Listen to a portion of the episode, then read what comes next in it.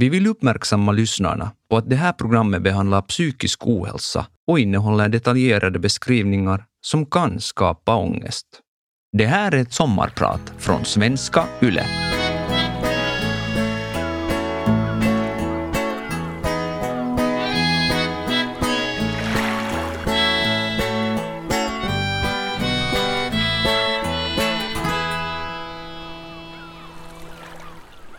Det är slutet av augusti 2019.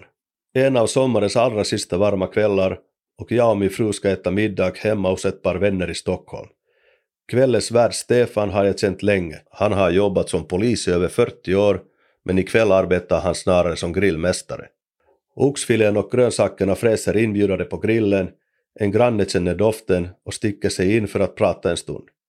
Vi har precis satt oss ner vid middagsbordet och har bara hunnit ta ett par tuggor när det ringer min telefon.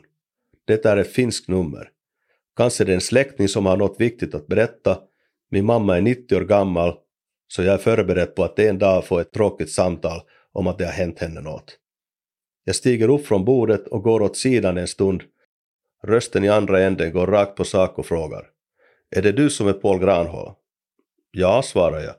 Men aldrig i min vildaste fantasi hade jag kunnat gissa vad journalisten från kvällstidningen Ilta-Sanomat skulle säga sen.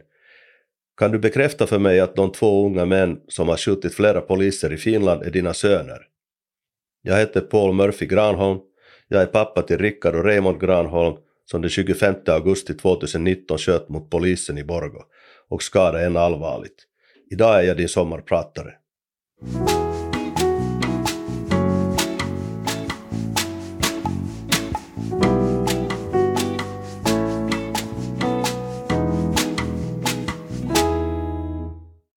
Jag håller på att tappa telefonen. Vad sa du nu? frågar journalisten som precis ringt mig. Han upprepar, är det dina söner som skjutit mot polisen i Borgo? Jag avslutar samtalet utan att svara. Hela min värld snurrar. Vad är det egentligen som har hänt? En snabb titt på flera finska nyhetssidor ger mig svar. Två unga män har genom ett påhittat samtal till larmcentralen lurat polisen till ett industriområde i Borgo min gamla hemstad. När polisen kommit dit hade misstänkta gärningsmännen skjutit mot dem och tagit delar av deras utrustning. Sen hade flytt i en svenskregistrerad grön Volvo som jag omedelbart känner igen. Det är våran bil. Jakten har gått från Borgå till Tammerfors i hög hastighet. Pojkarna har skjutit mot polisen igen, från bilen. Mitt på motorvägen. Motivet är oklart men rykten om gängkriminalitet cirkulerar redan. Jag stirrar på bilderna och försöker ta in det jag ser. Polisens specialstyrkor är inblandade, det som är Hollywoodfilm fast det här är på riktigt. Och det är mina söner som är skurkarna. Jag är i chocktillstånd. Det kommer nyhetsuppdateringar med fler bilder och nu ser jag prickskyttar och en krockad bil vid sidan av vägen. Herregud, lever mina barn ens? Och vad har de gjort egentligen? Jag går tillbaka ut till middagsbordet där våra fruar nu också fått höra om händelsen utan att förstå att det handlar om Rickard och Raymond. Jag tittar på min fru och vet inte hur ska jag berätta att det är våra barn det talar om. Istället frågar jag min vän Stefan om han kan komma med mig till vardagsrummet en stund. Det gör han och vi sätter oss i soffan för att prata. Men hur ska jag klara av att berätta vad det är som har hänt? Stefan känner också pojkarna och har en lång erfarenhet av polisjobb. Han har jobbat som polis över 40 år arbetat inom Säkerhetspolisen i Sverige, varit på plats i krigshärjade länder och jobbat som livvakt åt den svenska kungafamiljen. Vi har känt varandra länge. Haft jätteroligt tillsammans och bodde också grannar ett tag, men det jag ska säga nu liknar inget samtal vi någonsin haft.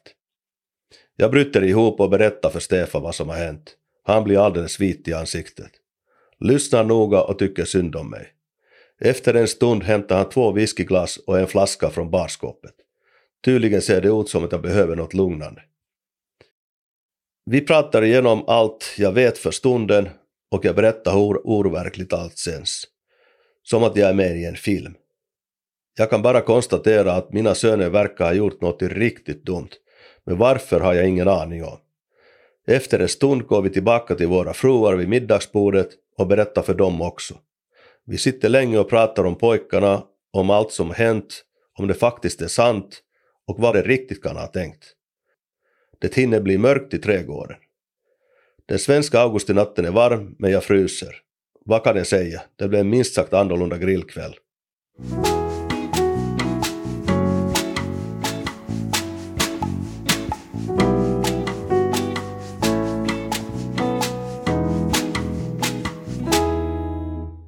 Jag har bott i Sverige nästan hela mitt vuxna liv, men min familj kommer ursprungligen från Helsingfors.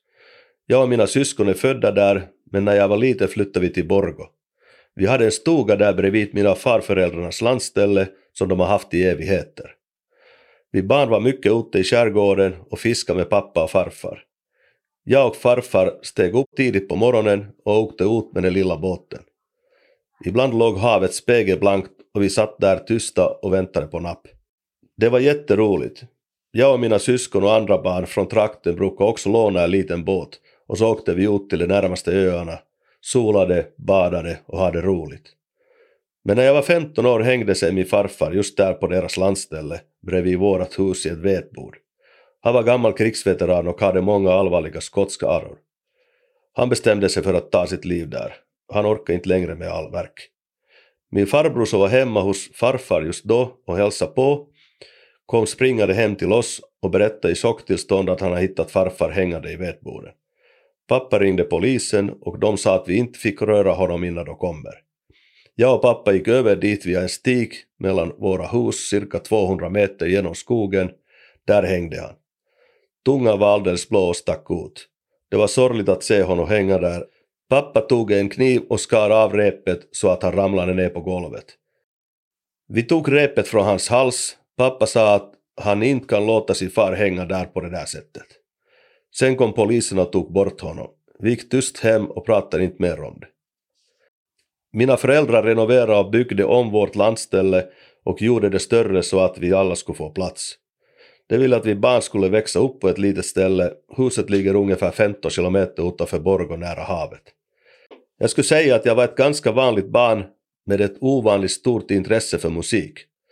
När jag var nio år hade jag tjatat hål i öronen på mina föräldrar för så gärna vill jag ha en kassettbandspelare. En dag när jag och pappa var i Helsingfors och promenerade längs Mannerheimvägen fick jag syn på en i ett skyltfönster. Lycka var totalt när pappa gick med på att köpa den. Och förutom bandspelaren fick jag också Rolling Stones nyaste album med. Så fort vi kom hem tog jag bandspelaren med mig och gick och satte mig på en liten bergskulle nära vårt hem och tryckte igång musiken. Vilken känsla det var när jag lyssnade på låten Champion Jack Flash för första gången. Jag trodde att jag skulle flyga till månen och tillbaka. Jag var helt såld. Nästa album jag fick var Creedence Clearwater Revival. Där och då bestämde jag mig för att jag ville börja spela trummor. Jag samlade alla burkar och hinkar jag hittade och gjorde ett trumset av dem. Jag gick i skogen och samlade kvistar som jag gjorde om till trumpinnar. Sen var det bara att lyssna på musik och börja trumma. Och när jag började fanns det ingen stoppknapp. Jag trummade dagarna i ända. Vi hade granne, en medelålders man som spelade gitarr. När han hörde mina trumsolo ville han spela med mig. Det var fantastiskt roligt. Hur det lät jag vill inte gå in på, men kul cool hade vi. Pappas ungdomsvän som var polis kom ofta och hälsade på oss. Han berättade att man kan få lära sig att spela olika instrument om man söker in till en militär musikskola. Jag var då 15 år gammal och tyckte att livet på landet började kännas ganska tråkigt. Att gå musikskola däremot lät kul. Jag sökte och fick plats i en Kouvola militäranläggning. Pappa skulle köra mig dit, men dagen innan vi åkte hände något. Min pappa var alldeles liten när andra världskriget började, bara ett barn. Det var tuffa tider och det gjorde honom tuff. Han var hård och delade ut örfilar på löpande band om man inte gjorde som han sa. Jag blev ofta slagen eftersom jag var annorlunda och ville göra saker på mitt sätt. Dagen innan jag skulle börja vid militärmusikskolan så göt vi en betontrappa till vårt hus. Pappa var arg och nervös som han ofta var när han jobbade. Alla barn hjälpte till och av någon anledning blev han arg på mig och gav mig en örfil. Jag har vid det här skedet bestämt mig för att om han slår mig igen så slår jag tillbaka. Och det gjorde jag också. Till hans stora förvåning. Han var stor och tjock, jag var en mygga i jämförelse. Sen slängde jag min spade åt sidan och sprang ut i skogen. Jag hade ett gömställe uppe på ett berg. där jag ofta satt när jag var ledsen. Dit hade jag tagit olika smågrejer, en vattenflaska och lite kläder. Jag gömde mig där hela dagen och från bergens topp såg jag när pappa åkte med bilen och letade efter mig. Jag vågade inte gå hem. Jag visste inte vad som skulle hända med mig när jag kom dit. Men sen kom kvällen. Det blev mörkt, klockan var mycket och jag var tvungen att gå hem ändå. Tidigt nästa morgon skulle pappa köra mig till Kouvola militäranläggning. Jag gick hem tyst och försiktigt. Pappa sov, men mamma satt med sin kaffekopp bredvid vid sitt köksbord. Hon sa ät lite och gå och lägg dig. Du ska vakna tidigt. Hon sa inget om pappa och jag frågade inte. Jag smög till sängen. Tidigt nästa morgon var huset helt tyst. Jag och pappa åt frukost tillsammans. Jag tittade på honom då och då, men vi sa ingenting. Jag hade packat min lilla väska färdigt och efter frukosten hoppade vi in i bilen och åkte iväg. Vi sa inte ett ord under hela resan som tog ungefär en timme. Väl framme körde pappa in på militärområdet och stannade framför ett tegelhus där arméorkestern låg. Jag hoppade ut ur bilen med min väska och slog fast dörren allt vad jag orkade för att visa honom min ilska. Du kommer aldrig mer att se mig, tänkte jag. Utbildningen vid militäranläggningen började, men till min besvikelse fick jag inte spela trummor. Det blev saxofon och basun istället. Jag fick ett löfte om att jag skulle få börja med trummandet senare, men så blev det aldrig. Tillsammans med en annan kille bestämde jag mig för att sticka därifrån och söka lycka på annat håll. Det enda jag ville var ju att trumma. Så svårt skulle det väl inte vara. Vi liftade från Kouvola till Vilmastrand, en sträcka på ungefär 80 kilometer. Där låg en annan militärskola. Perfekt tänkte jag, här ska det spelas trummor. Men av någon anledning höll personalen på militärskolan inte med. Tydligen var inte bara så där att byta från en skola till en annan. Man måste ansöka om en plats. Ja, typiskt. Men lite tur ska man också ha ibland. Det visade sig nämligen att trummisen i orkestern vid militärskolan skulle vidare till en annan utbildning och jag fick ta hans plats. Kompisen jag liftat med från Kouvola blev utan. Under den här tiden började ny musikstil komma från England till Finland. Det var punk med bandet Sex Pistols i spetsen. Plötsligt ville alla i min ålder ha röda och olikfärgade jeans. Men det gick inte att få tag på i Vilma strand. Jag hade en kompis som sålde jeans i en affär på Unionsgatan i Helsingfors. När jag hade permission så åkte jag ofta dit och köpte så många par som möjligt. Sen tog jag med mig dem till Vilmastrand och sålde dem med bra vinst. På den här tiden fanns det ingen internet där man kunde beställa allt man ville ha, så jag såg en chans att tjäna pengar. Om folk ville ha jeans så skulle jag se till att de fick det. Jag stod ofta vid vägkanten och lyfte in till Helsingfors för att hämta varor. Först bara jeans, men senare också andra produkter. Sen packade jag på mig allt som en åsna och åkte till Vilma strand och sålde. Mitt affärssinne var född.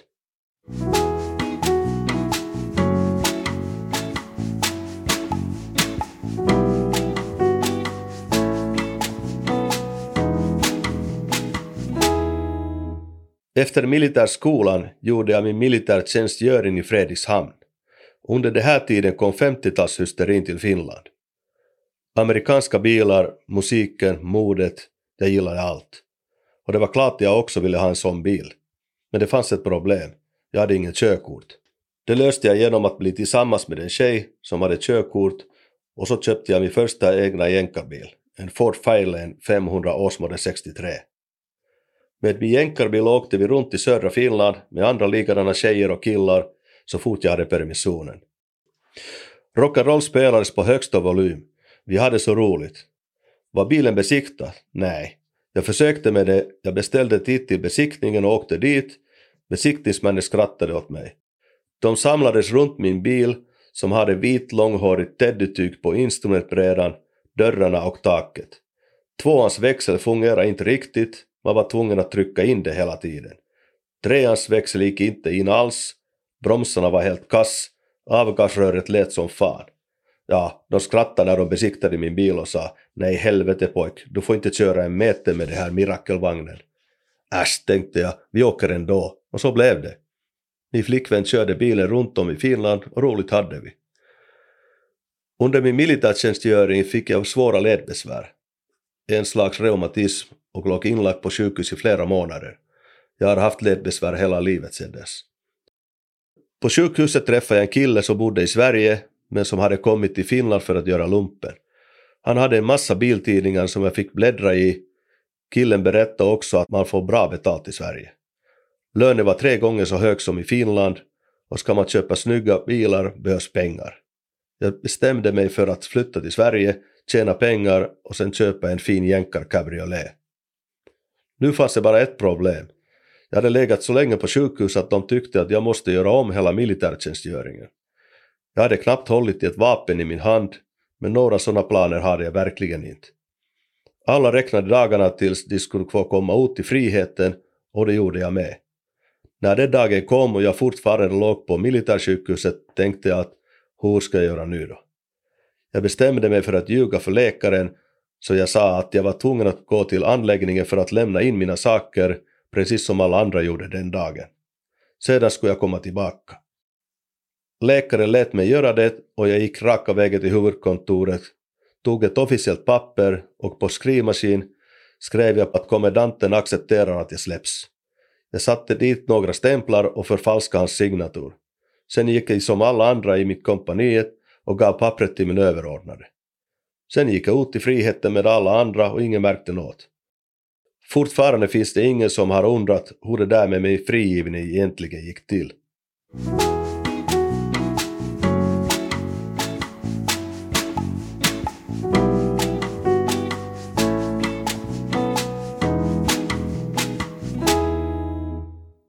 Sen kom sommaren och jag festade vilt.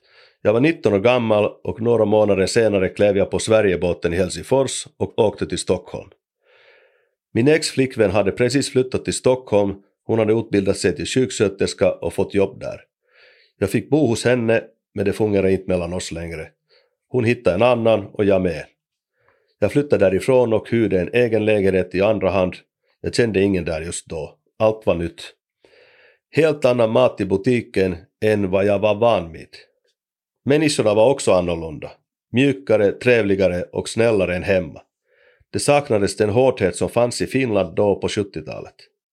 Jag fick jobb som lastbilschaufför, köpte en Pontiac GT och cabriolet, årsmodell 69 och lärde känna Stockholms raggarkretsar. Där gick det vilt till. Jag började boxas i 60,5 kilo-klassen på olika gym runt i stan. Min tränare hette Vilos Perez.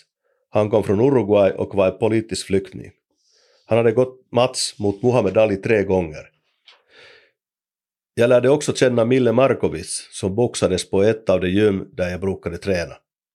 Han som ägde gymmet var en känd bilhandlare och tung kriminell fick jag lära mig under tiden jag boxades där. Mille var en lättare boxare än jag, men vi sparrade ofta mot varandra. Senare fastnade han rejält i det kriminella livet och klättra uppåt i den kriminella undervärlden. Han blev stor, rik maffiaboss och ägde flera strippklubbar, travhästar och olika stora business.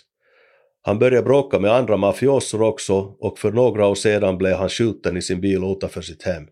Hans liv gick åt annat håll än mitt. På den här tiden började det komma många finländare till Stockholm. Nästan alla jag lärde känna hade någon typ av firma, oftast i byggbranschen. Det var fler än jag som hade kommit på att man kunde tjäna pengar i Sverige. Köpa en fin bil och ta den med sig hem till Finland. Först började de jobba på bygget Sen öppnade många egna företag. Det kom unga människor från olika delar av Finland och många köpte bilar. Jag var inte ensam längre. Vi åkte tillsammans och hade jättekul. Nu öppnades också många svartklubbar där vi hängde sent på nätterna. Jag och mina nyfunna kompisar åkte till alla stora evenemang där det fanns tusentals amerikanska bilar och flera stora band spela. Harrigays var ett av dem, vi hämtade dem från hotellet och körde dem till spelningen.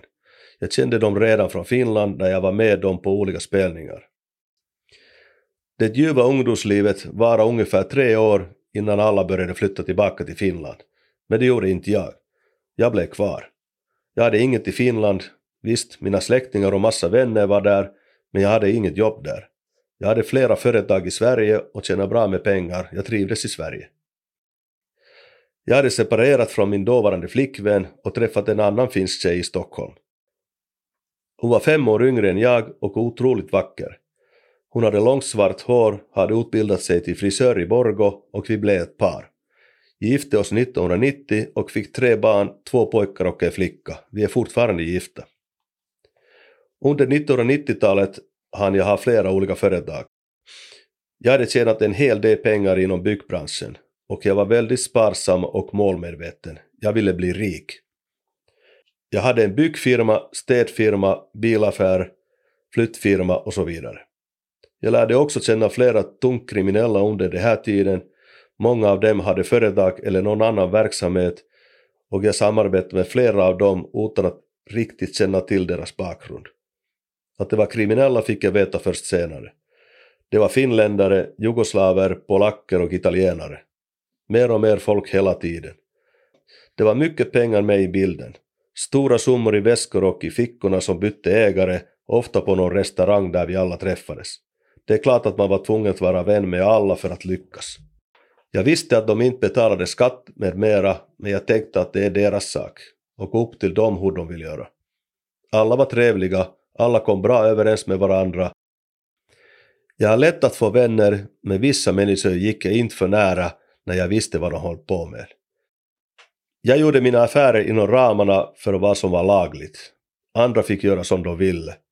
Det var lätt att bli indragen i skumma affärer och kriminalitet också om man inte ville. Man var tvungen att vara på sin vakt hela tiden och inte lita för mycket på människor. Hemma växte barnen, vi gick i skola och var väl som barnen mest. Jag jobbade och var inte hemma så mycket, men det hade det bra. Vi flyttade till Dubai ett tag med familjen. Jag hade ett företag som svetsade stora oljetanker med mer. Men oroligheterna och kriget i Irak gjorde vi att vi bara stannade två och halvår. Efter det bodde vi i Florida ett tag och sedan tillbaka till Stockholm. Hemma igen lärde jag känna ett finskt MC-gäng, MC Perkele, alla blev mina kompisar. Det gänget blev senare en del av Hells Angels i Stockholm. Jaha, då kände man dem också.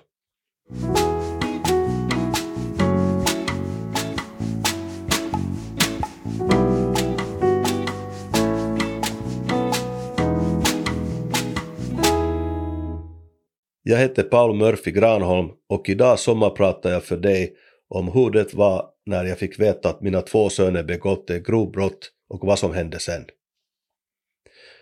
Vi har alltid haft det bra hemma, bra ekonomi och när barnen var små fick de det de ville ha. Pojkarna Rickard och Raymond ville börja spela trummor tidigt, precis som jag. Vi köpte ett riktigt trumset till dem och de blev snabbt duktiga musiker.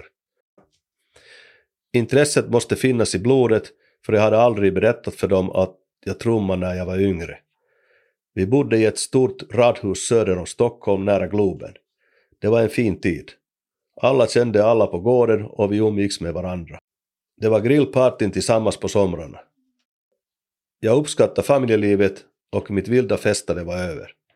Jänkarbilar fick inte längre plats i mitt liv. När barnen blev större ville vi prova på att bo i Finland och låta dem gå i skola där. Vi flyttade till Borgo och hyrde ett radhus. Men tiden i Finland blev inte som vi hade tänkt oss. Barnen gick i svenskspråkig skola i Borgo. Där fick de många bra kompisar men blev också hårt mobbade av andra som tyckte att de var svenskar och inte riktiga finnar. Det var tråkigt och jobbigt för dem. Vi förstod inte det helt eftersom vi föräldrar ursprungligen är från Finland och dessutom levt länge just i Borgo. Våra yngsta som Raymond är till och med född i Borgo 94. Vi bodde cirka ett år i Borgo men bestämde oss sen för att flytta tillbaka till Stockholm. Vi trivdes inte i Finland helt enkelt. Jag har alltid varit intresserad av film och när vi kommit tillbaka till Sverige började jag skriva filmmanus. Men tiden var inte riktigt rätt. Jag övergick till att skriva böcker istället. Jag använde författarnamnet Murphy. Det syftas på Murphys lag, alltså tanken om att ifall något kan gå snett så kommer det att göra det. Mycket har gått snett också i mitt liv när det gäller affärer. Jag har tjänat mycket pengar men samtidigt har jag haft otroligt mycket otur. Om affären varit klart och 99% färdigt så kan ni vara säkra på att det där ena procenten tillhör mig och allt gick åt helsike utan någon som helst vettig förklaring. Därför började mina vänner kalla mig Murphy. Det var roligt att skriva böcker, berättelserna liksom rann ur mig. Bland annat skrev jag och gav på eget förlag ut en bok om min polisvän Stefan. Ni minns honom som jag åt middag hos den kvällen då jag fick höra om skottlossningen i Borgo. Skottlossningen ja. Det känns fortfarande idag helt ofattbart hur det kunde gå så här. Jag och min fru har alltid lärt våra barn att, att göra rätt i livet, ta hand om sig själv och sin hälsa. Vi har tagit väl hand om våra barn, vi har aldrig behövt vara med i en kriminell eller problematisk miljö. Visst har det under årets lopp varit en hel del spännande och annorlunda människor hemma hos oss och hälsat på, men det är ingenting som har påverkat barnen. Vi vet fortfarande inte varför våra söner gjorde som de gjorde, varför de ringde och sköt mot polisen. Mina söner, mina fina pojkar som alltid varit så korrekta och snälla. Så fick en bra uppfostran, ett tryggt hem med mamma, pappa, en äldre syster och hund. Detta är ett mysterium för oss. Jag har alltid försökt vara en bra pappa och jag vet faktiskt inte vad jag skulle kunna göra bättre. Jag ältar aldrig sånt som har hänt, utan livet går vidare. Det har jag lärt mina barn och så är det nu också efter dåden. Det jag är mest tacksam över idag att ingen dog, varken mina barn eller någon polis, fast det var nära.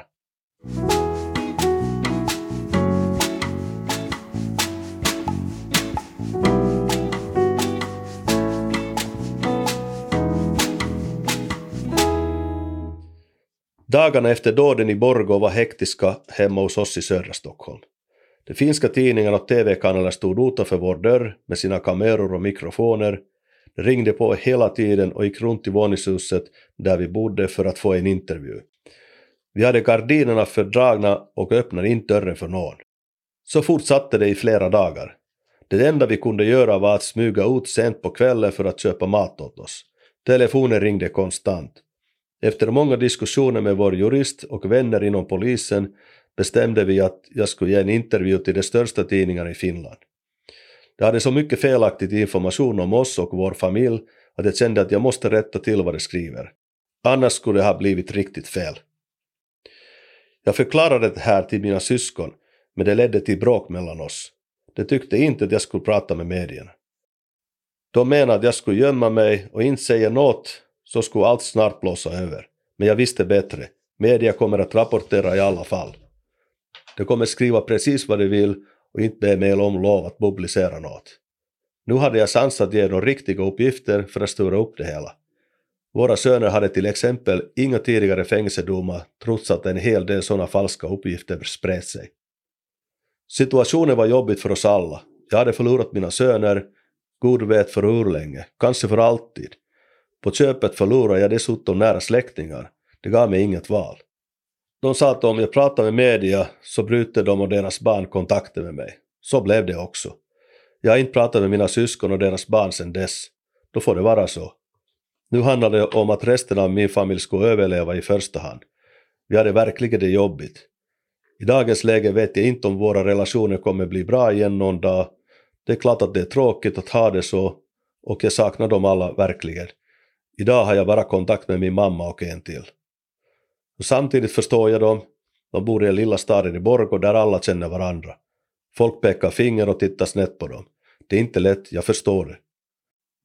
Jag hoppas att alla skulle kunna glömma och gå vidare så fort som möjligt. Men så enkelt är det inte. Det var helt enkelt för stor nyhet och allvarlig händelse som skakade Finland. Media måste kunna rapportera om det. Jag känner själv att gjort är gjort Domen har fallit och pojkarna fick 15 år fängelse. Jag kan inte ändra på det eller göra något åt det. Nu måste vi titta framåt, försöka ha kontakt med dem och hjälpa med det vi kan. Vi har fortfarande inte träffat killarna efter allt som hänt, men en sak är säker, vi lämnar aldrig våra familjemedlemmar oavsett vad de har gjort.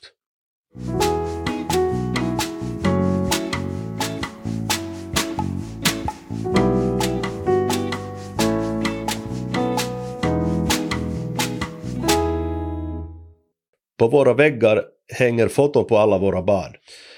Jag tittar ofta på speciellt ett av dem. Där är de små och bara med mig i Spanien under vår semester där. Vi hade så roligt tillsammans. Jag funderar ofta på vad jag ska säga när jag träffar pojkarna igen. Jag har skrivit en lång lista på olika saker jag vill prata om. Jag tänker på hur de har det i fängelset. I en miljö de är helt ovana vid. Coronaviruset har gjort det ännu svårare för oss att träffas, men snart blir det förhoppningsvis av. Det otroliga hände. Mina barn begick ett grovbrott. Efter allt som har hänt kan jag ändå säga att jag nu bättre förstår hur det känns för föräldrar vars barn har gjort något allvarligt. Skolskjutningar eller något annat helt galet. Vem som helst kan hamna i den här situationen och speciellt i dagens samhälle där det finns mycket våld, narkotika och orättvisor. Alldeles för ofta går det så att 15-16-åringar dödar varandra på grund av någon småsak, både i Sverige och i Finland. Så var det inte förut och så kan vi inte ha det heller. Det måste se en förändring. Ungdomarna mår dåligt och har stor press på sig att vara en del i gänget. Föräldrar måste ha bättre koll, våga fråga och lägga sig i. Prata med dem och fråga hur de mår. Det önskade att jag hade gjort lite oftare. Vi föräldrar vill bara våra barn det allra bästa och det kommer de att förstå och respektera senare i livet. Jag som varit din sommarpratare idag heter Paul Murphy Granholm och jag önskar dig en riktigt skön sommar.